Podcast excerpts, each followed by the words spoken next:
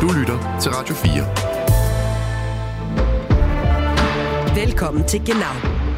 Din vært er Mirko Reimer Elster.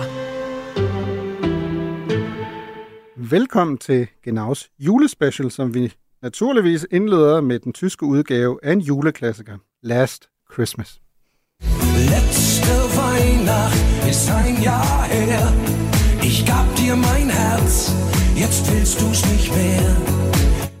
Jeg bliver simpelthen nødt til at indlede med at sige, at det er ikke mig, der har fundet på det her. Det, det er til rettelæggeren. Øh, jeg vil faktisk egentlig også have opfordret til, at vi nu holder et minut stillhed, fordi det her er simpelthen er så øh, forfærdeligt. Men øh, så kom jeg i tanke om, at hvis vi er stille, så kan man høre endnu mere af Mathias Reims udgave af Last Christmas. Så det gør vi ikke. Vi fortsætter med syv mil skridt i stedet for. Vi skal have i den her udgave kort de bedste og værste tyske juletraditioner. Vi skal tale om årets ord i Tyskland. Og så er der også et par julehilsner fra nær og fjern. Og så håber jeg snart, at den der musik stopper. Øh, vi runder også det politiske, selvfølgelig. Sådan. For kan den tyske regering gå roligt på juleferie? Det er selvfølgelig også noget om det, vi skal tale om. Velkommen til Genau nu i julehumør. Du lytter til Genau på Radio 4. Men velkommen til vores gæster, Nora Sina, politolog, født og opvokset i grænselandet, Philip Ostrovic, senior research advisor ved CBS, Moritz Tram, formand for Dansk Tysk Selskab og lektor i tyske studier ved Syddansk Universitet. Lad os øh, starte med, det er jo radio det her, vi har taget nogle øh, tyske julelækkerier med i studiet. Jeg kan se, der er Stollen blandt andet, der er Lebkuchen, så tag endelig øh, fra jer. Men jeg starter med at spørge jer, hvad er jeres... Lad os starte med, hvad er sådan den bedste tyske juletradition? Hvad siger du, Ostrovit? Altså, øh, jeg synes jo fantastisk øh, er i Tyskland, at øh, en slags julemand kommer i år før jul, nemlig den 6. december, kommer der noget, der hedder Nikolaus. Og så får børnene om morgenen, øh, hvis de har været artigt og søde og så øh, øh videre i hele året, så får de sådan nogle små gaver i deres sko. De skal stå og stille en pusse sko foran deres dør, og så om natten kommer Nikolaus og giver en gave. Men som det er i Tyskland, der er også en anden side. Der er også Knecht Ruprecht eller Krampus i nogle områder. Og hvis man ikke har været så sød, så får man faktisk en rute, det vil sige sådan et, et, et lille stykke græn, der viser, at den skulle man egentlig have banket på på numsen øh, øh med, og man har ikke været artigt. Så det er min mm. yndlings øh, juletradition, fordi for mig øh, sådan set indleder det juletiden. Så, så det er der fra Nikolaus, øh, hvor der kommer de der gaver, så man føler sig sådan lidt julestemningsagtigt. Mm. Det er altid slået mig faktisk, efter jeg flyttede til Danmark, at man ikke har overtaget den tradition mm. i, i Danmark, fordi den er jo, som du siger, Philip, den er ret genial. Ikke? Altså min datter ja. elsker den. Øh, hun har også fundet ud af, vi lever jo i et gennemkommercialiseret samfund. Nu har fundet ud af, at man skal stille øh, den største sko ud, ikke? så det er typisk gummistøvlerne, der ryger udenfor nu. Og, og mine børn, de var meget, meget øh, sådan set, altså de har spurgt mig mange gange, øh, da vi flyttede til Danmark, jamen, hvordan kan øh, Nikolausen finde ud af, hvem de tyske børn er i Danmark, og hvor de bor hen? Og øh, det var sådan set ret øh, snu øh, spurgt, men jeg er enig med dig, men Nikolausen er jo også sådan set grundlægger, mm. altså grundlæggeren for, for julemandfigurer øh, osv., osv., men den har man man bare bibeholdt i Tyskland. Hvad har du svaret på det? Det er der, hvor der er dårligst internetforbindelse, eller mest telefax, eller Jamen, hvordan jeg, finder jeg man sagde det? selvfølgelig, ligesom med, med julemanden, altså Nikolausen kender jo alle børn, og han kender de, de tyske børn, og han ved jo præcis, hvor de bor hen over hele verden, og det tager han så hen. Men det var måske første hint, at man på et tidspunkt skal, skal sådan set oplyse dem om, at det var sådan nogle uh, figurer, som måske findes uh, helt i realiteten. Men det er, det er jo stærk uh, tysk soft power, ikke? Altså, fordi min datter på 8 bliver ved med at spørge om det samme. Hun, vi bor i en lejlighed, og sådan, hun siger også, det er så synd for de andre børn i opgang, at der kommer Nikolaus jo ikke. Mm. Ikke? Og der forstår hun, det er sådan en stor bonus ved at være, have mm. tilknytning til det tyske, i hvert fald en gang om året, for, i forhold til Nikolaus. Nora, hvad med dig? Hvad er din yndlingsjuletradition? Øhm, jamen, det er sådan set ikke en tradition som sådan, men jeg synes, der er noget øh, over tysk jul, som jeg nogle gange i hvert fald oplever mangler lidt over dansk jul, bare for at lave en direkte sammenligning, som er sådan, øhm, på tysk hedder det Besinnlichkeit, øh, som jeg faktisk ikke lige ved helt, hvordan jeg skal oversætte, det gør det selvfølgelig lidt svært, men noget med sådan, øhm, jeg oplever det i hvert fald som at lige at falde til ro, øh, at jul også er en eftertænksom tid, mm. øh, en tid, der også handler om faktisk bare at have tid, alle de ting, man altid taler om i, Danmark i hvert fald, men på tysk er der ligesom det her konkrete ord, men man ønsker også hinanden en besinnliche Weihnachtszeit. Så det er i virkeligheden, øh, apropos antikommercielt, og lidt mere sådan tilbagetrukket, og også lidt tungere i virkeligheden. Mm. Så det er ikke en tradition, men det er mere sådan en stemning, som jeg synes er mere over tysk jul end over dansk jul. Mm, altså sådan ligesom at sænke paraderne lidt, falde lidt tilbage, lidt besindighed, have, have tid til lidt fordybelse og apropos samvær med familien. Moritz, hvad med dig? Hvad er din yndlings? Øh, jamen, jeg synes, Philips svar var da meget fint med Nikolaus, ikke? Altså, som, som jeg selvfølgelig også kender, og mm. vi havde allerede øhm, øh, gummistøvlerne frem i 70'erne, så det er ikke først en nyere kommercialisering, der gør forskel. Øhm, men altså, ellers er jo, jeg er nok ikke typen, der er sådan helt vildt med alle de der juleting, det er lidt svært for mig, men, men vi havde en tradition i, i Berlin, hvor jeg kom fra, som var sådan lidt mere i, i min omgangskreds, mere privat, vil jeg sige, at vi gik ud den 24. i byen. Og, om morgenen eller om aftenen? Om aftenen. Om aftenen. Øh, efter det der julehaløje var overstået, og mm. egentlig ventede vi bare på, at familien ligesom var færdig med deres sniksnak. Altså, nu taler jeg om en tid, hvor jeg var teenager og lidt senere, ikke? Mm. Øhm, men der vil vi i Berlin gå, øh, øh have sådan en aftaler med, med vennerne på bestemte bars eller caféer, som havde åbent i Berlin dengang. Fordi der var rigtig mange i Berlin, der ligesom ikke rigtig holdt det der jule, eller var ligesom frakoblet for deres forældre eller et eller andet. Øh, og det synes jeg var en dejlig tradition. Og da jeg kom til, til Danmark og første gang holdt jul her, var det sådan min, min første indskydelse, nu skal vi ud, og efter, efter det hele var lidt overstået, ikke, tænkte jeg, nu, nu skal vi ud og, og, og få sådan en god bajer og et muligt, ikke? Og, og det var sådan lidt svært at opdage, at alt var lukket, simpelthen alt, ikke? Og det, det kendte jeg ikke fra Berlin, for det var ligesom en dag, hvor, hvor tingene var åbne, ikke?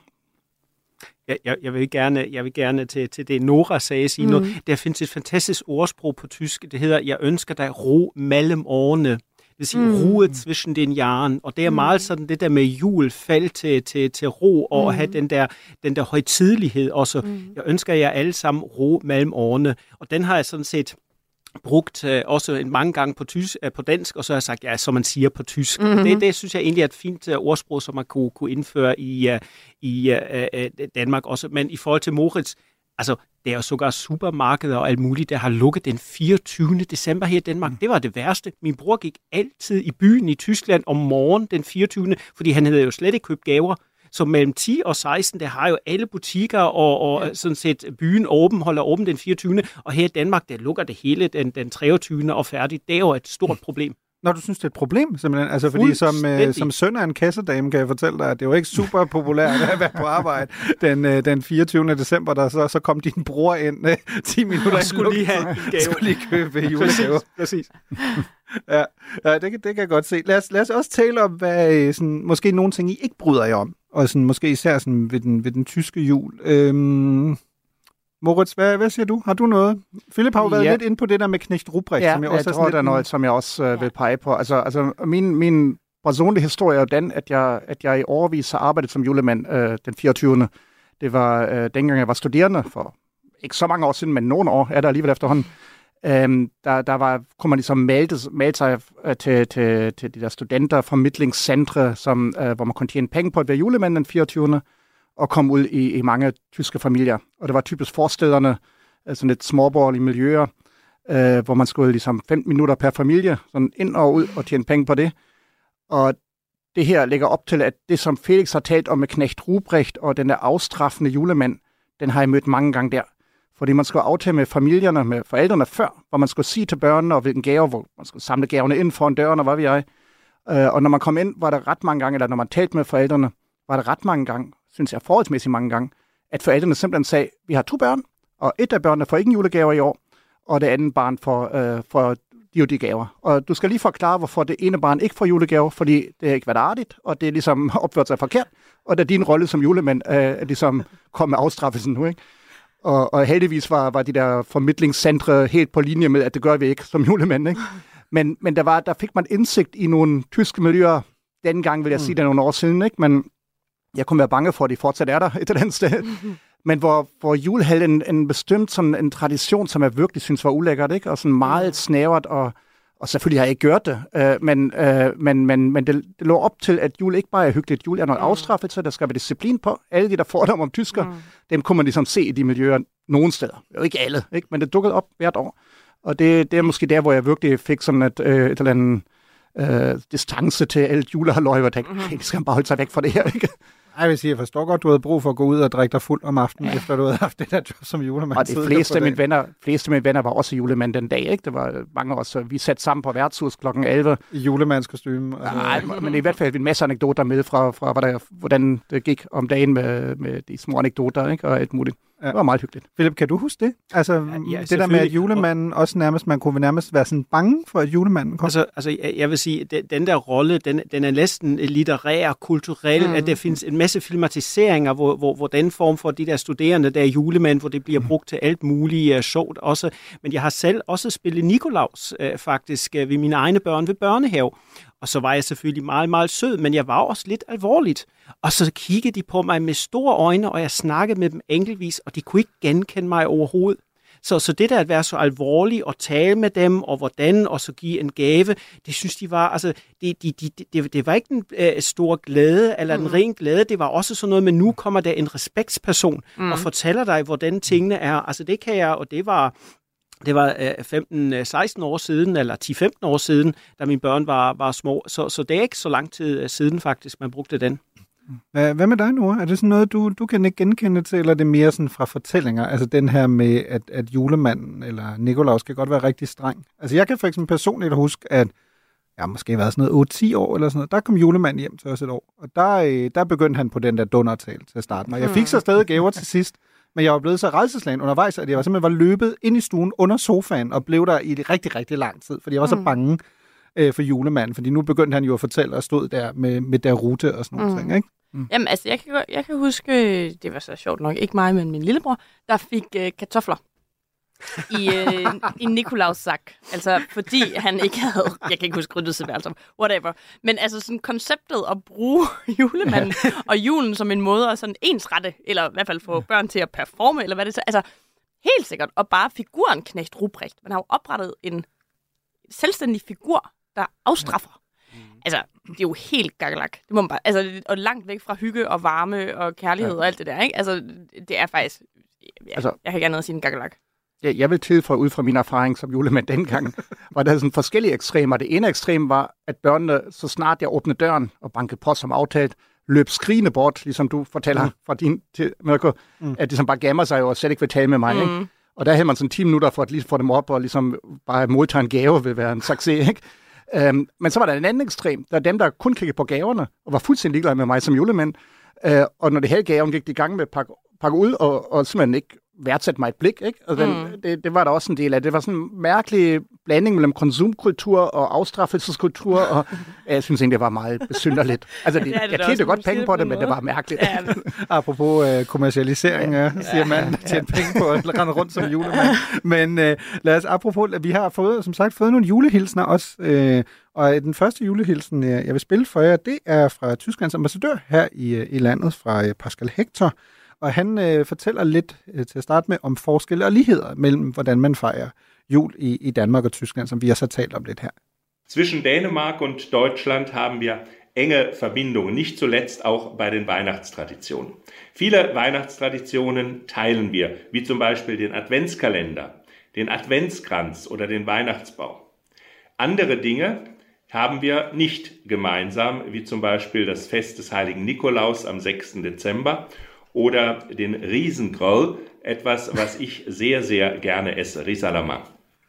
Ja, øh, der, der er han jo faktisk meget sød, Pascal Hector, fordi ja. han jo siger, at vi har mange traditioner til fælles. Sandheden er jo, at danskerne har overtaget de fleste fra tyskerne. Der er han selvfølgelig diplomat, så man har hugget, ikke? Men, men det må man også godt. Men julen er jo tysk. Ikke? Hvad siger du, Philip? Interessant, Spiegel har en artikel i dag om i madsektion om risalamande, og hvorfor det er så fantastisk i Danmark, hvorfor det smager så godt, og hvorfor det bør indføres i Tyskland. Det er kommet i dag i, i Der Spiegel.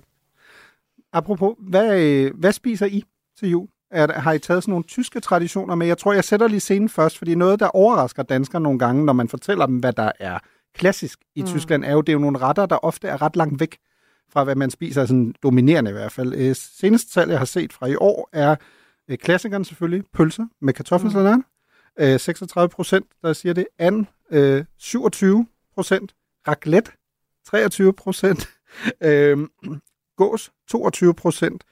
Øh, fisk, 16 procent, og så er der 11 procent, der siger øh, fondue. Og man kunne selvfølgelig, som man kan høre, have svære, flere svarmuligheder, men vi er jo sådan et sted, hvor mit indtryk som en, der ligesom kom til i Danmark, er, at det er sådan relativt ensrettet, ikke? Altså i forhold til, mm. hvad man spiser. Mm. Der er ikke sådan sindssygt meget øh, variation, men øh, jeg har aldrig hørt om kartoffelsalat og pølser. Jeg tror, mine svigerforældre vil øh, Jo. korsfeste mig i det øjeblik. Jeg, Men, du har men, hørt om men, men det er lidt en misforståelse, fordi jeg tror, det er et frokostret. Mm. Så, så fordi man ikke har tid den 24. så er mm. der nogen, der har bare pølser og kartoffelsalat. Den kan jeg umærket ikke fra mit, mit eget hjem, men, men der findes. Men, men jeg vil sige, altså jeg er rimelig ortodox, hvad, hvad, hvad sådan set juletraditioner angår. Vi har også en julestue, hvor mine børn stadigvæk ikke må se den pyntede juletræ, før de ikke har min, sa, øh, sunget mindst tre sange foran lukkede døre osv. Altså øh, jeg er rimelig ortodox, men maden, synes jeg, det har altid været sådan altså an, øh, eller, eller gås i Tyskland og, og svine øh, mørbræd, eller hvad det nu er i Danmark, det er jo ikke min øh, kop øh, te. Det holder jeg det med franskmændene, hvor jeg laver noget mad, der er godt og, og dejligt, og øh, som jeg gerne vil. Så det er ganske uortodox, men ellers øh, ret ortodox i forhold til jul. Nu er det ikke, fordi det skal blive alt for værdiladet, men jeg har hørt op til flere gange fortælling om, at øh, årsagen til, at der er så store del af den tyske befolkning, der spiser pølser og kartoffelsalat juleaften, er netop, som du siger, der er ikke tid. Kvinderne skal ikke stå i køkkenet hele den dag. Og der bliver jeg bare lige Så det er opmærksom faktisk på... meget progressivt, det er det, ja, du prøver og nej, at sige. og det er nemlig lige præcis ikke. Fordi så står vi der fandt den 25., 26., 27., 28., 29. Altså, det er sådan en, jeg ved slet ikke, øh, feminism washing. Eller, altså, det, det fortælling om, at kvinder skal ikke stå i køkkenet 24. Ej, hvor det også, så vi laver bare sådan lidt ret. Så står det alle årets andre dage. Så mor laver en lidt ret. Må, ja, ja, det er 100% at sige, der står og koger de pølser der. Altså, det, jeg synes simpelthen, det er den usløste øh, juletradition i Tyskland med de pølser. Altså, jeg forstår det ikke.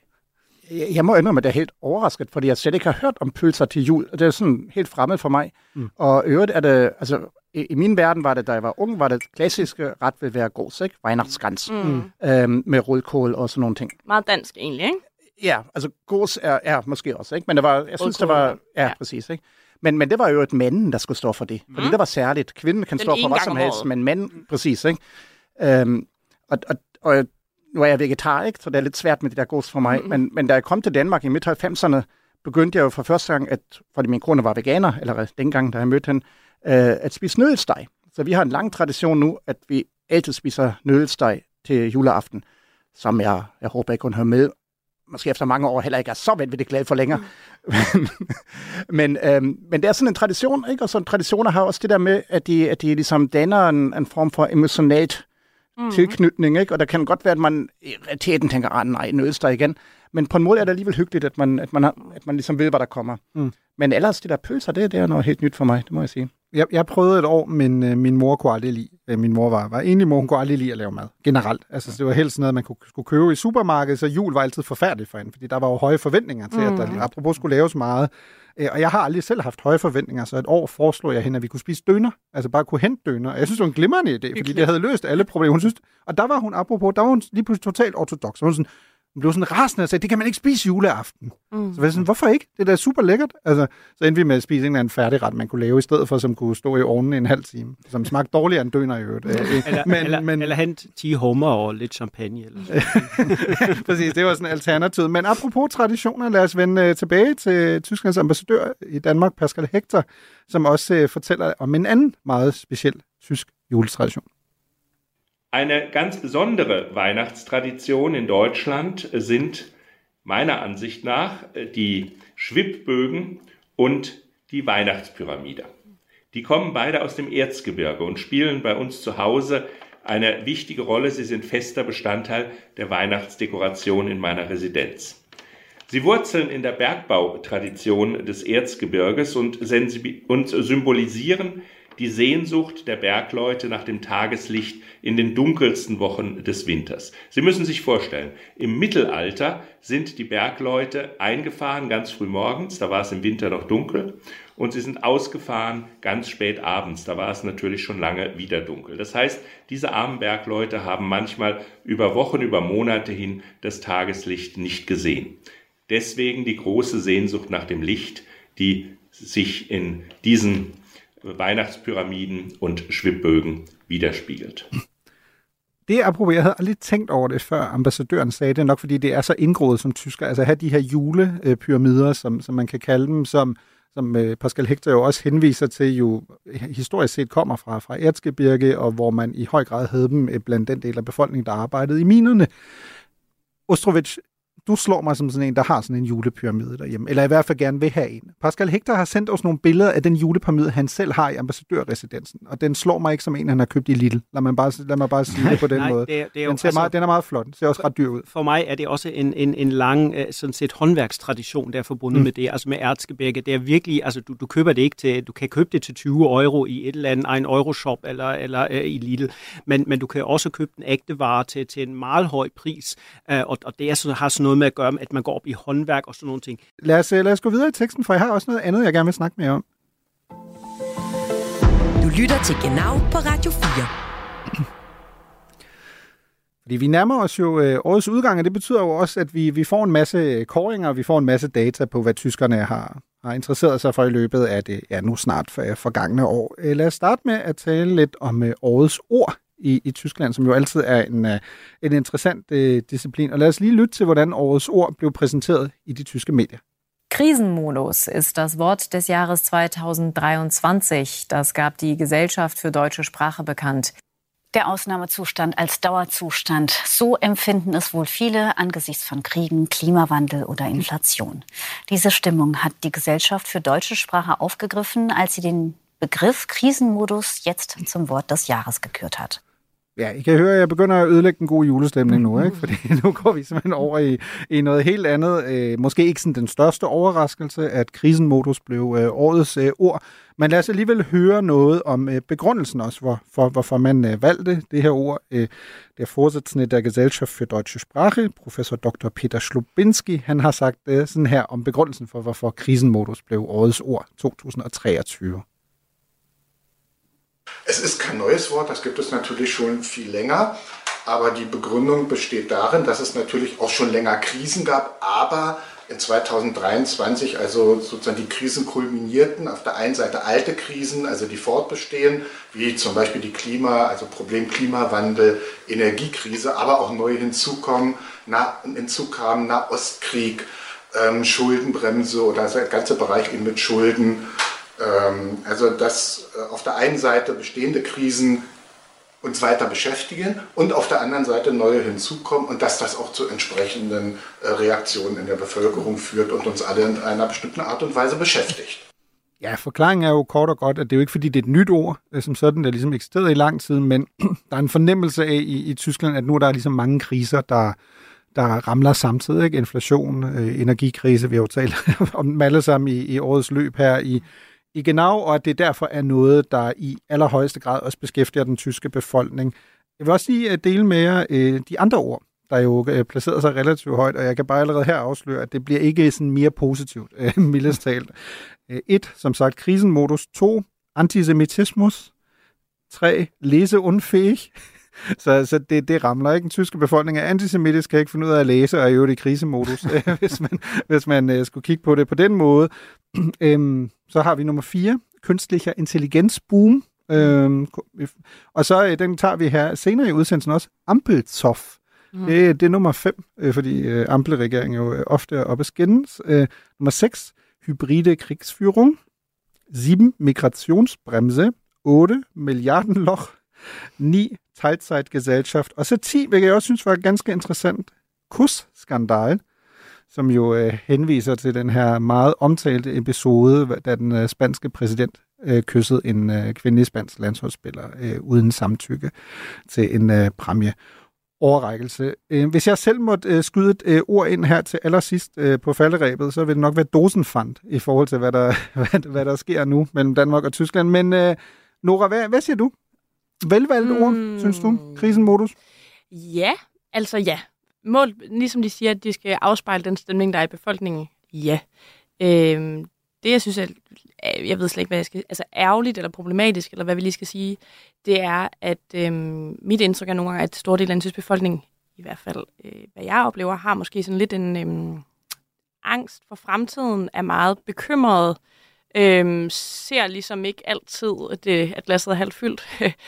Øhm, så jeg blev lidt ærgerlig, da jeg læste det, fordi jeg synes, det taler ind i sådan en tendens af, at vi skal også, det hele falder sammen øh, foran os, og vi kan ikke gøre noget, og, og vi bliver led af politikerne, politikerne, og vi synes i øvrigt, at verden er i brand.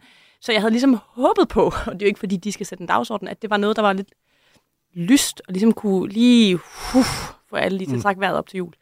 Det ved jeg godt, det er ikke deres opgave, men, men jeg blev sådan lidt, når jeg øv, det er den følelse, de fleste sidder med. Så du havde tænkt, det skulle have været wunschdenken, måske, måske nej, i stedet men, for? nej, men det er jo rigtigt, at de griber en stemning. Mm. Men, men jeg synes også, det taler ind i en, øhm, måske en forestilling om, hvordan tingene er. Og det det er ikke, fordi jeg skal tale alle de her kæmpe store øh, interconnected kriser ned. De er der jo. Men det er jo også en tilgang og, og en måde at se verden på. Det her ord afspejler ret godt, synes jeg. Mm.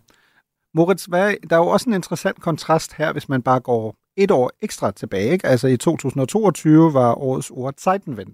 Det kom jo heller ikke bag på nogen, der havde fulgt med i, hvad der var sket i, i det år. Men det er jo også, som Nora siger, det er også noget at, at hop. Ikke? Vi går fra Zeitenwende til krisenmodus. Mm. Er du enig med Nora i, at det kunne måske have været rart, hvis vi havde været lidt mere, hvis vi havde været, hvad kan man sige, hvis sprognævnet havde købt en optimist måske i stedet for? Mm, Ja, det kunne da være dejligt. Men, men som, som Nora jo også siger, vil det på en, en eller anden måde også være urealistisk i forhold til der, hvor, hvor man fornemmer, at Tyskland og den tyske befolkning er. Fordi jeg fornemmer, at, at, at der er en generelt voldsom krisestemning omkring, og, og folk føler, at, at det hele vakler. Ikke? Ja. Og det, jeg er helt enig med dig, Nora, at, øh, at det er måske lidt ærgerligt, det er sådan, men, men på den anden side er det også reelt nok. Ikke? Og Zeitenwende var måske lidt mere en følelse af, at der var netop en vende, der var, noget, der var en mulighed for noget nyt. Og lige nu er det mere sådan et, et konsekvent forsvarskamp for, for ikke at gå ned udenom og hjem. Øhm, og der synes jeg også, at det der Ampelzoff, som vi måske taler om lidt senere her, Mm. mm. at, at det rammer jo også godt, at man følte også, at, at regeringen ligesom ikke var i stand til at levere, øh, altså ligesom at komme i gang med nogle løsninger på de problemer, der er. Og det kan man godt sige er lidt pessimistisk set, ikke? men jeg tror, det er den følelse, som mange sidder tilbage med i det her år, at det var godt nok op ad bakken hele tiden Mm. skænderier, hele tiden nye kriser, og, og jo som en stor krise efter en anden. Ikke? Altså det, det, er lidt voldsomt. På en måde synes jeg, det passer godt, det ord. De andre, der kommer mm. lidt længere ned på ringen, synes jeg ligesom til gengæld er lidt, lidt sådan, jeg ved ikke rigtigt, om de virkelig rammer en grundstemning, men det der første år krisenmodus, mm. den er måske rigtig nok. Men Ostrovic, der er vel, hvis man kigger på den der top 10, der er vel kun sådan måske to ud af de der 10 ord, der har sådan en mere positiv sådan konnotation. Ikke? Altså der er, øh, hvis man synes, det er en god ting, en, et boom i kunstig intelligens. Det, det kunne være sådan det ene.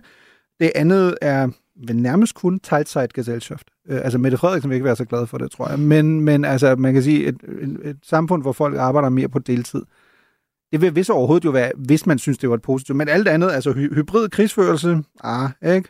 Migrationsbremse, ah. det passer meget fint til, til sådan set det, som Nora også sagde. Jeg har, jeg har lige en diskussion med den danske CEO for, for Rosenthal, som er sådan en porcelænfabrik, øh, haft sådan lidt battle om, øh, øh, øh, hvordan man ser på Tyskland, fordi han ser nok meget mere positivt på Tyskland, og alt det, man kan i Tyskland, øh, i modsætning til, til Danmark, øh, hvor jeg og, og sagde til mig, jamen det er jo typisk tysk, det I gør, I nedgør jeres, jeres eget land, og det, det er sådan set også min erfaring. Altså jeg, jeg har haft tit øh, tysk og danske delegationer, og den øh, tyske delegation øh, taler en time om, hvor dårligt Tyskland er, og fem minutter om, at vi kan noget, og så den danske delegation taler en time om, hvor fantastisk Danmark er, mm. og fem minutter om, at det er nogle ting, der skal justeres, og så går folk fra hinanden, og så tror tysker, det er paradiset her i Danmark, og, og danskerne tror, det er helvede i, i Tyskland. Og det er selvfølgelig sandt, og for fem år siden havde jeg måske også sagt, jamen ja, det er ganske rigtigt, og vi ned taler også, altså vi taler øh, sådan set vores, vores eget land ned. Men når man er i Tyskland, og har jeg været på, på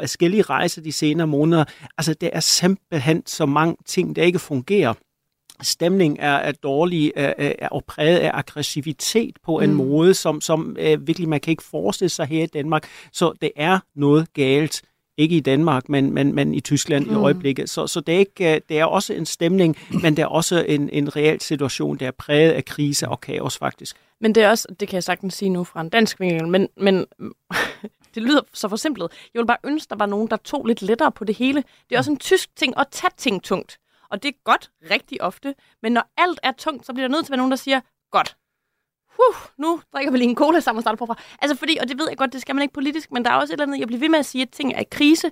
Det skaber jo også en krise, Men- og folk bliver trætte og tror ikke på noget mere. Altså, Det bunder, Ah. det, det bunder i tysk perfektionisme også. Men det gør det. tysker er perfektionister. Det skal være helt fantastisk, og hvis det er ikke helt fantastisk, så er det virkelig, virkelig rigtig dårligt. Ja. Så det er på begge sider, så også når det er dårligt og kaos og krise, så skal det være den værste krise nogensinde. Ikke? Altså vi, vi, vi taler meget sådan den der perfektionistiske selv om. Det handler om at ikke er, være perfektionistisk, mm. og det synes jeg er faktisk ganske, ganske typisk tysk. Det må jeg sige. Og så vil jeg lade være med at spørge dig ind til de sanitære forhold på Slesvig Banegård. Øh, Osbruch. det, det, det kommer ikke Og til. banegården, øh, som ikke eksisterer, ikke? Ja, lige præcis. Det, det, det gør vi ikke. Nu, nu går vi i Noras fodspor. Øhm, ikke? Change we can believe in. Nu går vi i Obama-mode, og nu, øh, lytter vi faktisk, nu lytter vi faktisk til noget af det, vi jo især værdsætter på det her program, og det er vores trofaste lyttere, som også har sendt os nogle julehilsner. Du lytter til Genau på Radio 4. Vi har nemlig fået to øh, julehilsner fra, øh, som sagt, trofaste lytter, øh, Peter Ågaard og Hans øh, Møller Poulsen, og vi indleder med Hans Møller Poulsen. det er en dejlig podcast, og jeg hører ret mange podcasts. Det er en af de gode, det her.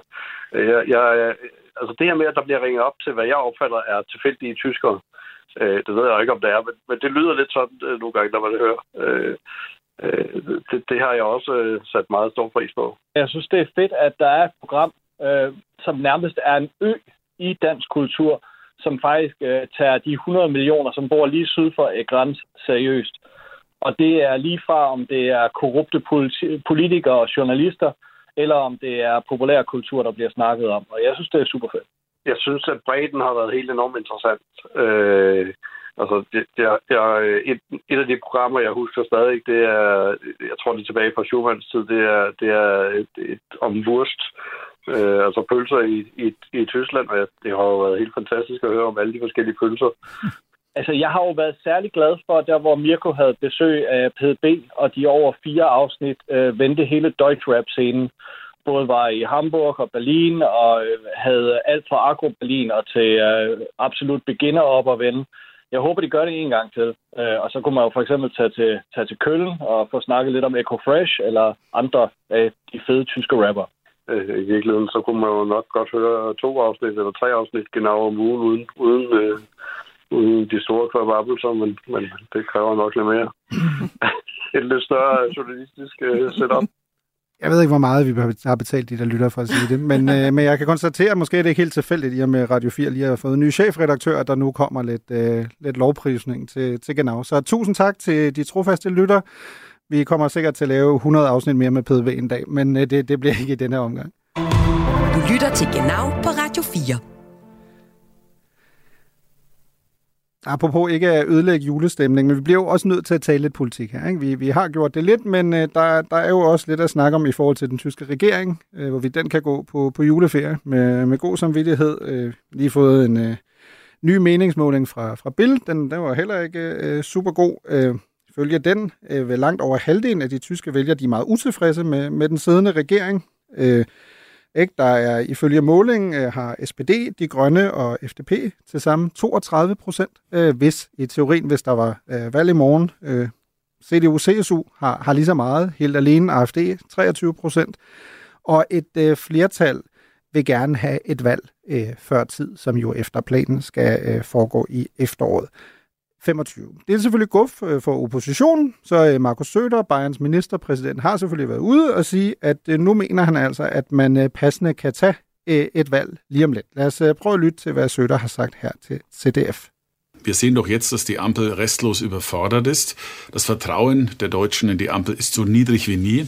Das Vertrauen der Ampelparteien zueinander stimmt ja nicht. Wir hören jetzt äh, wieder jeden Tag nach den Beschlüssen letzter Woche wieder, was man dann doch nicht machen will, hin und her. Jeder beschuldigt sich, dass er doch etwas anders gewollt hätte. Und deswegen glaube ich, wäre eine Neuwahl das ehrlichste und beste für das Land, anstatt einer dahinsiechenden Ampelkoalition.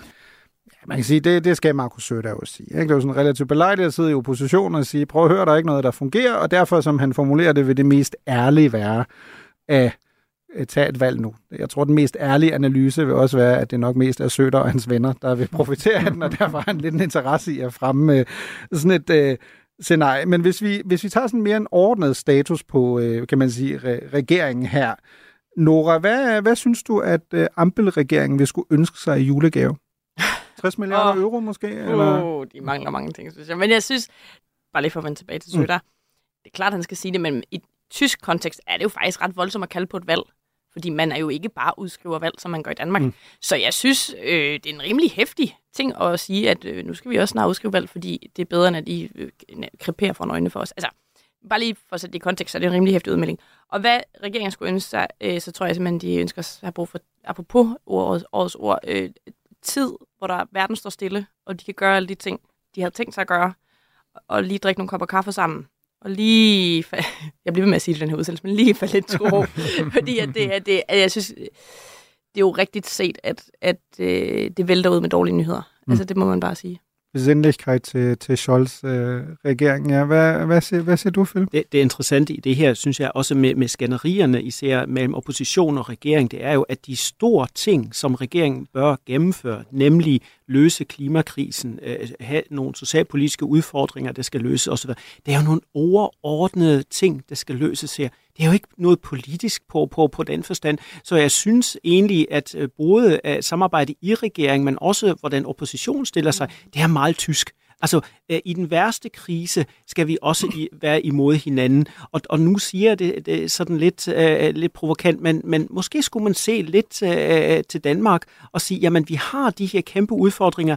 Danmark har haft nogle store udfordringer. For eksempel, jeg tager altid øh, eksempel pensionsreform. Tyskland har vanvittigt meget brug for en pensionsreform, fordi reform af øh, pension er underfinansieret, øh, skal subventionere med over 100 milliarder fra statsbudgettet om året.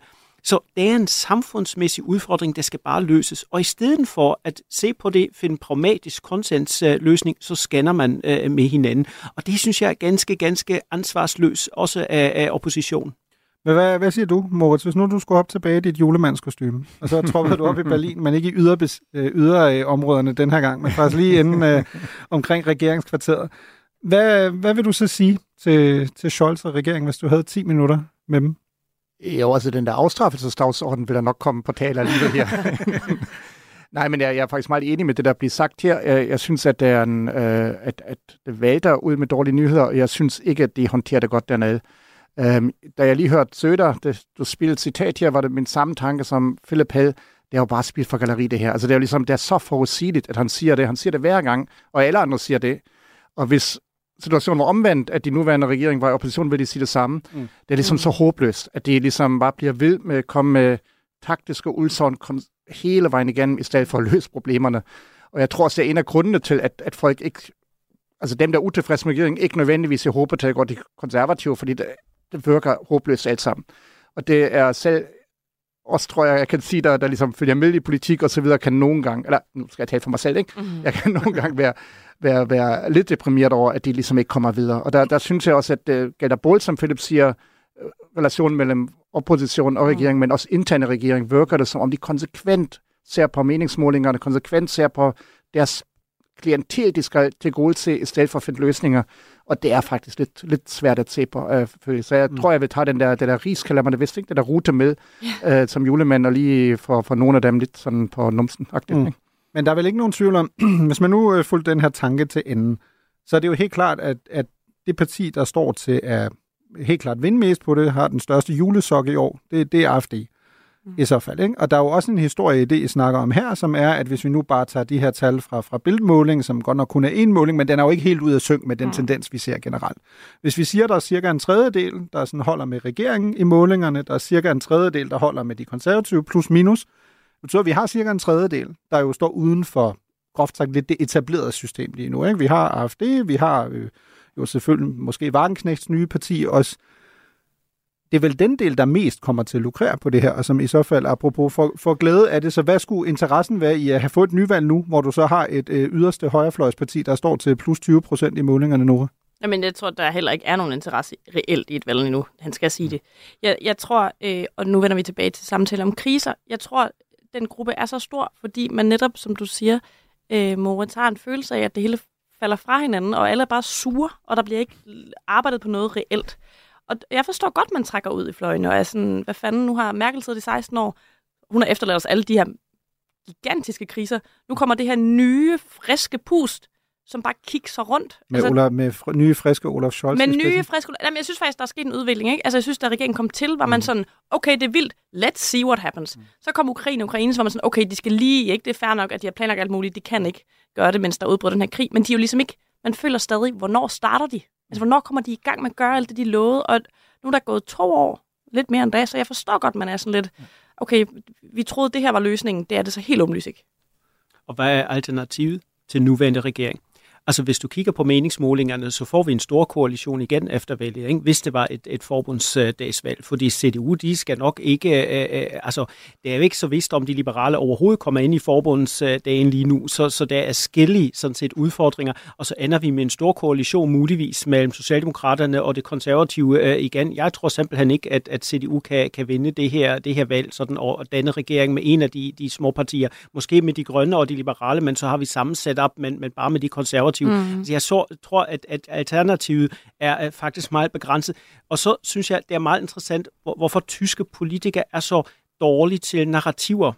Mm. Altså for eksempel, øh, en af de ting, man har besluttet i marts måneden, det er, at man øh, sådan set beskærer forbundsdagen med, med cirka 100 mandater. Det vil sige, at det skal være mindre, vi skal bruge mindre øh, øh, øh, penge på politikerne.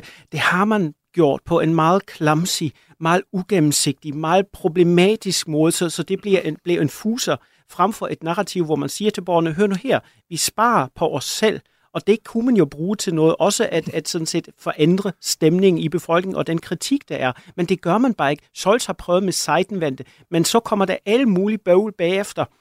Så man kan ikke indløse, selvom man prøver det her. Så, så jeg, jeg vil mene, for, for at skifte stemning, så skal man have, har man brug for store narrativer, og det her narrativ, som er det mest vigtige, som omfatter også opposition, nu gør vi det samme, og nu løser vi de store problemer, mm. der er. Og det synes jeg er, er, er oppositionen ganske, ganske dårligt til det, det er også meget forventet, for jeg husker, at øh, jeg kan bare ikke huske, hvem der sagde det, men der er et meget mindeværdigt citat om tyske politikere, hvor der engang var en mand, der sagde, at det er mere sandsynligt, at tyskerne sender en mand til månen, end at der er en tysk politiker, der kommer til at give et mindeværdigt citat, som man kan huske to uger senere. Øhm, så det er sådan ikke, øh, måske, måske beder vi om, om lidt meget her, men der er jo selvfølgelig også... Ja, Nora? Nej, jeg vil også bare lige... Det, nu, jeg er helt enig i alt, der er blevet sagt, men man må også bare sige, at det, der er sket de sidste to år, er jo også fuldstændig mm. ekstremt i, altså i, i alle kontekster i hele verden. Altså, det er virkelig også en hård opgave, de har fået.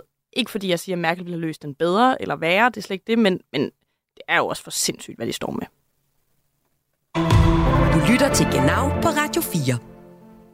Ja, apropos øh, for sindssygt, jeg vil selvfølgelig også gerne øh, vende med jer. Øh, noget af det, der også er herligt her i, sådan, i den her tid på året, det er, at vi finder ud af, hvad tyskerne har googlet. Og der, øh, der er også relativt meget. Øh, lad os øh, starte med det spørgsmål, øh, man jo godt øh, har nogle gange, det er jo der tysk er så herligt. Wieso, weshalb, warum, wer nicht fragt, bleibt dumm. Øh, det holder tyskerne sig jo til i, i forhold til det her. Jeg har øh, taget det mest googlede warum, altså hvorfor spørgsmål i år. Er der nogen af jer, der kan huske, hvad det var? Mm-mm. Nej, men det var, det var nemlig ganske, ganske aparte, fordi spørgsmålet er, warum wurden fake lashes erfunden? Altså, hvorfor opfandt man falske øjenvipper. Det, det kan jeg så, så oplyse om, at øh, når man er 15, 16, 17 her i Danmark, så er det også et ganske, ganske store øh, emne, og fake lashes er en af de absolut største emner øh, blandt teenager i øjeblikket. Og det siger du ikke, fordi du selv er 15-16 øh, og teenager Men jeg har to døtre ja. i den alder, så, så øh, jeg ved, hvad der sådan en lille smule, hvad der foregår, og det er også et stort emne her i Danmark. Skal jeg give dig lidt unødig viden, som du kan imponere dem med, når du kommer hjem? Meget gerne. Prøv, prøv at høre, fordi historien er faktisk ganske interessant. Øh, Fake lashes er selvfølgelig noget, der opstår på, på TikTok selvfølgelig. Det er der hele den her fortælling om, hvorfor får man falske øjenvipper, den øh, begynder at trende i starten af 2023. Og et øh, teorien er på nettet, øh, at øh, falske vipper blev opfundet af prostitueret for at få, øh, undgå at få sæd i øjnene under oralsex. Ja, du kigger nu, men det, det, det, er sådan, det er sådan, det, det er sådan, det opstår. TikTok never lies. Ja, lige præcis. Lige præcis. lige præcis. Øhm, men øh, det, øh, det viste sig ikke at være rigtigt. Øh, der var mange øh, sådan, øh, sådan hjemmestrikkede teorier om, at man også tidligere havde, havde kaldt det combrella, øh, med en henvisning til en paraply, der skulle beskytte mod at få øh, sæd i, øh, i øjnene. Men grunden til, at jeg har taget den med, er selvfølgelig, at der er også en tysk vinkel her, og den øh, handler om, at øh, man jo i tidens løb har testet mange forskellige teknikker i forhold til at lave øjenvipper, men det er faktisk en tysker, Karl Ludwig Nessler, der opfinder øh, falske øjenvipper tilbage i 1800-tallet i London. Og så er der noget andet, som jo nærmest er også tysk kulturgud. Øh, jeg ved ikke engang, om det er med hos UNESCO, det synes jeg jo, det skal være. For hvad er det, Karl Ludwig Nessler også har opfundet? De dagervælde som jo vel er den tyske frisyre øh, over dem alle. Jeg har lært i dag, jeg vidste ikke, at det hed permanent, øh, åbenbart på dansk. At yes. det er simpelthen et udtryk for en frisyre. Ja. ja. ja. Har du fået permanenter? Det er den øh, måde, man, man siger på dansk.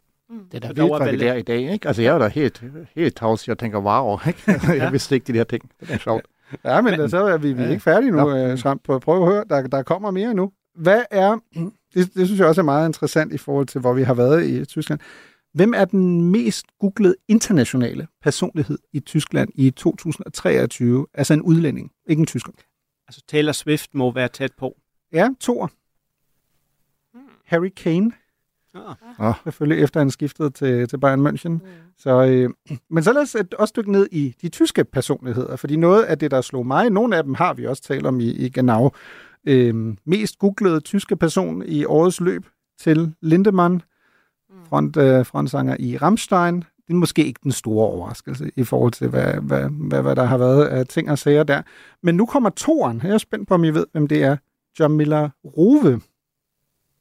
Ja, det er sådan en, en af de der, øh, øh hvad kan man sige, øh, en af de mennesker, der er i medierne, uden at have gjort noget. Altså, det, det er sådan en, Men kan du uddybe det? Det kunne også være mig. Altså, kan du ja, uddybe altså, det? altså, det, det er sådan en øh, øh, person, der er med i Robinson Island, eller Big Brother, eller, ah. eller sådan noget. Altså, jeg taler helt frit, jeg har ikke googlet det før, og øh, jeg følger lidt øh, tysk trash-tv også indimellem, så, så, så jeg kender hende øh, sådan set en navn, og ved sådan cirka, hvor hvad, hvad, hendes, øh, hvad hendes baggrund er. Ja, det er også ganske fascinerende. Det er rigtigt. Hun, øh, hun vandt i år øh, den 16. sæson af Ich bin ein Star, holt mich hier raus. Mm. Ja, det er stærkt, Philip. Nummer tre, Iris Klein. Kom så, Mr. Trash-ekspert. Altså Iris Klein, hvis jeg, er- hun, er hun ikke, altså nu, nu, nu, nu øh, bevæger jeg mig meget, altså er det ikke også sådan en øh, ret som, som så, lidt som, som Jamila Rove, men, men fra Østtyskland, kan det passe? Hun er, i, hun er i hvert fald i samme kategori, ja. Ja. Ja. Hun, øh, hun blev, kendt, fordi hun øh, deltog i den 11. sæson af øh, Promi Big Brother. Okay. Øhm, og så... Promi, promi, prominent Ja, ja, Big Brother. prominent, ja, ja, apropos. Og så skal man, og det er måske der, hun er mere kendt, måske mere bredt, hun er mor til Daniela Katzberger, som ah, jo er en måske ja. nok lidt mere, hvad, hvad var det, du sagde, en, der var kendt for at være i medierne, uden at have sådan, ja, Har gjort noget. ja uden at have gjort noget, som du, som du formulerede det. Øh, Nummer fire er selvfølgelig æresborger i byen Slesvig, det er han så ikke, men Jürgen Dreves, øh, selvfølgelig Slesvigs øh, stolthed, han, han er også med, og jeg vil også lige tage til sidst, øh, vi-fragen. De, de er med også øh, ganske gode. Nummer et. Wie tief liegt die Titanic? Altså, hvor dyb ligger Titanic? Det er simpelthen det mest googlede øh, spørgsmål i. Det er på grund af ubåde-historien, ja. der ham der rigmanden øh, sådan set øh, for ulykket dernede, ja. Er der nogen, der kender svaret? Er 3.600 meter eller sådan noget, kan det Kom nu, nørd, mand. Det er jo helt, det er jo helt vildt. Altså, jeg er 4 kilometer. Ja, ja. det, det, Ja, ja. det, det, det er vildt. Så tager vi også lige toren, fordi der vender vi tilbage til Jürgen Dreves. Anden mest googlede spørgsmål i vi-kategorien i Tyskland. Wie alt ist Jürgen Dreves? Fantastisk, ja. Han har ingen alder. Han har ingen alder. Absolut. Uden alder. 8 78 er, er, er svaret. Og så er nummer tre, det morede jeg mig meget over. Wie nennt man enge ohne flygel? Hvordan, hvad kalder man engler uden vinger? Det giver heller ikke nogen mening, har jeg fundet ud af, fordi det er sådan også en, en, en internetting. Svaret er mamma. Jeg, jeg ved ikke hvorfor, men, øh, men her med, Nå, vil mine børn så sige, nå, hvad Og er ja. det sødt. det, det, lad, os, lad os øh, slutte på det. det. Det er rigtig sødt. Det giver ikke så meget mening, men det er meget sødt. Du lytter til Genau på Radio 4.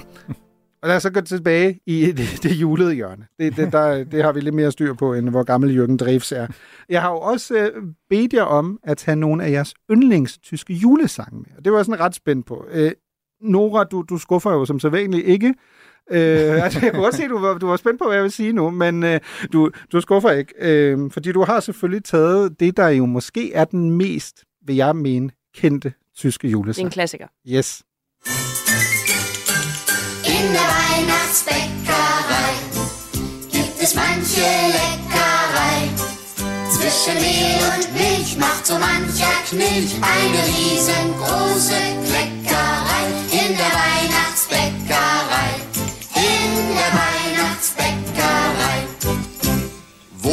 Ist das Rezept geblieben von den... Nora, hvorfor, hvorfor har du valgt den? Okay, et, konceptet Weihnachtsbäckerei. Ordet findes ikke på dansk. Altså, julebagedag, eller, altså, det er jo et, et tidspunkt, hvor man bager julekager. Og så synes jeg, at sangen er det er måske sjovt, som man forstår tysk, bare så forunderlig underlig. Altså, so mancher Knæsch. Altså, hvad fanden er en Knæsch? Altså, der, der, det er bare en weird sang. Og så er det jo... Der er også en, der ikke har vasket hænder, og så, bliver, så siger det dit svin til ham. Ja, ja, altså, det, det, det, det rummer alt. Og så er det bare øh, jo alle vores øh, barndoms stemme, Rob Stukowski, der synger den, så bliver man, ved. det er altid varm om hjertet, når man ja. hører Philip, du er ikke så begejstret. Nu, nu, nu, er vi jo, nu er vi jo tit enige om, om, om ting, Nora, men det her, det er en plage det er den værste julesang for folk, der elsker jul, fordi det er så, det, det er så, så det er nyskrevet, og det er sådan, ej, forfærdeligt, det, det, det er sådan pseudo-børnestemning Jeg hader den faktisk. Og så er det en, en interessant, okay. okay. sådan interessant historie om den, fordi i Nordrhein-Westfalen, der må man faktisk ikke synge den mere i børnehaver, fordi Nordrhein-Westfalen ikke har en kontrakt med GEMA. Det er dem, der trækker penge ind, når, når, når sangene bliver spillet og så videre. Og hver gang man er det der, du er født og opvokset, og derfor du nej, hader den, fordi du aldrig må høre den? overhovedet ikke, men, men, men øh, faktisk, at når sangen bliver sunget eller mm. spillet, så tjener øh, Rolf Sukowski, der har skrevet den hver gang med penge gennem det. Men, men jeg hader den sang, og det er en plage, synes jeg. No offense. Det er okay, jeg kan godt bære det. Jeg skulle have sagt det, men hvis man kritiserer Rolf Sukowski i det her program, bliver man bandlyst. det, det, det, det, det, det, men det, den tager vi efterfølgende, Philip. Din yndlingssang, og jeg kan godt sige, at vi kommer lidt over i, i en anden kategori nu, er din yndlingssang er Syser de klokken i klingen. Skal vi uh, lytte til den også? Süße die Glocken, die klingen, heiß zu der Weihnachtszeit.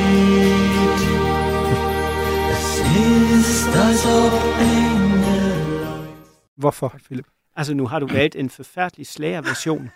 Men det er faktisk en sang fra det 19. århundrede, som giver sådan set uh, lidt håb. Det er en meget håbefold og meget glædesang. Og det er det sådan set, som juletid står uh, for mig. Og især i de her tider med krig uh, over det hele osv., er det sådan en sang, det, det giver mig håb, og det giver mig den der dybe julefølelse, at, at det kan ske noget godt. Derfor er det min, min absolut yndlingssang. Moritz, at vi, at vi kommer vidt omkring her, ikke? fordi du har også en, en yndlingsjulesang, men som du jo også selv siger, er det måske mm. egentlig en rigtig øh, julesang? Jeg tror faktisk, det er nemmest, jeg bare øh, afspiller den, og så kan du bagefter fortælle os, hvorfor det er lige præcis den, du har valgt.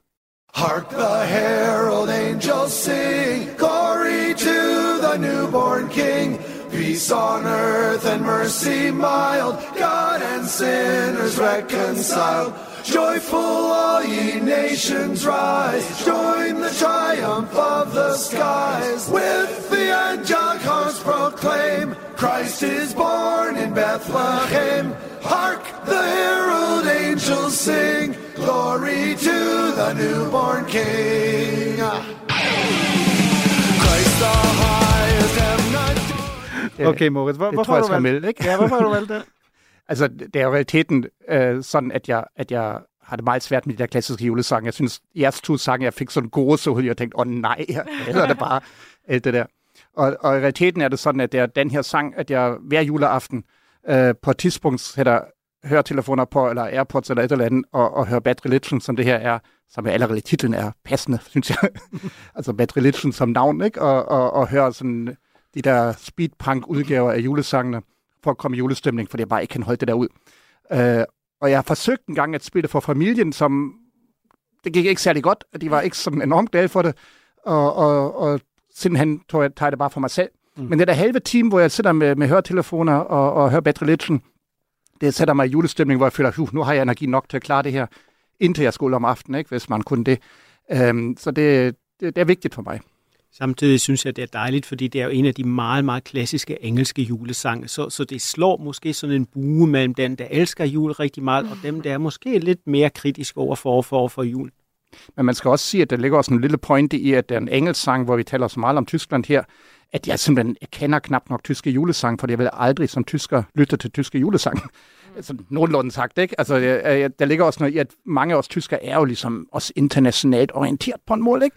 Og måske skal man ikke forvente, at alle tyskere nødvendigvis sætter ind med deres tyske julesang hver gang. Ikke? Jeg, jeg skulle synge O Tannenbaum, hver gang jeg var julemand i de der familiesammenhæng med, med kostym på og løb op ad trapperne. Og så skulle man synge med hele familien O Tannenbaum. Ingen sang med, og jeg skulle ligesom holde tonen og, og køre rundt, og det var forfærdeligt. Ikke? Så ligesom, jeg glæder mig bare, at det kom det engelske punk speed som langt væk fra det hele. Det er jeg dejligt for mig. Jeg kan godt høre, at du blev øh, nærmest traumatiseret af den der oplevelse oh. der. Jeg havde faktisk to øh, med, så jeg skal, jeg skal vælge nu. Øh, sådan en lidt atypisk en. Øh, Zido Weihnachtssong, som jo er sådan ret kendt, men jeg nu kan jeg høre, at vi bliver nødt til at slutte på sådan lidt mere juletagtigt. Så jeg har taget en anden. Jeg havde nok også taget en der Weihnachtsbækkerei, men den har Nora taget. Jeg har taget øh, Tom Astor, der Weihnachtsmann, der fährt en großen Truck. Den, det, det er stærkt det her. Den slutter vi på. Glædelig jul til alle sammen. Und frohe Weihnachten. Im zehnten Gang fährt er durch Wolke 3, an der Himmelstankstelle ganz knapp vorbei. Mit 80 geht's auf die Bundesautobahn. Der Weihnachtsmann, der muss halt ganz schön ran. In jedem Dorf und jeder Stadt, da sieht man ihn mit seinem großen Truck. Er trägt die Päckchen in die Häuser rein, denn alle sollen froh und glücklich sein. Der Weihnachtsmann, der fährt einen großen Truck. Im Himmel holt er die Geschenke ab. Du har lyttet til en podcast fra Radio 4. Find flere episoder i vores app, eller der, hvor du lytter til podcast. Radio 4. Ikke så forudsigeligt.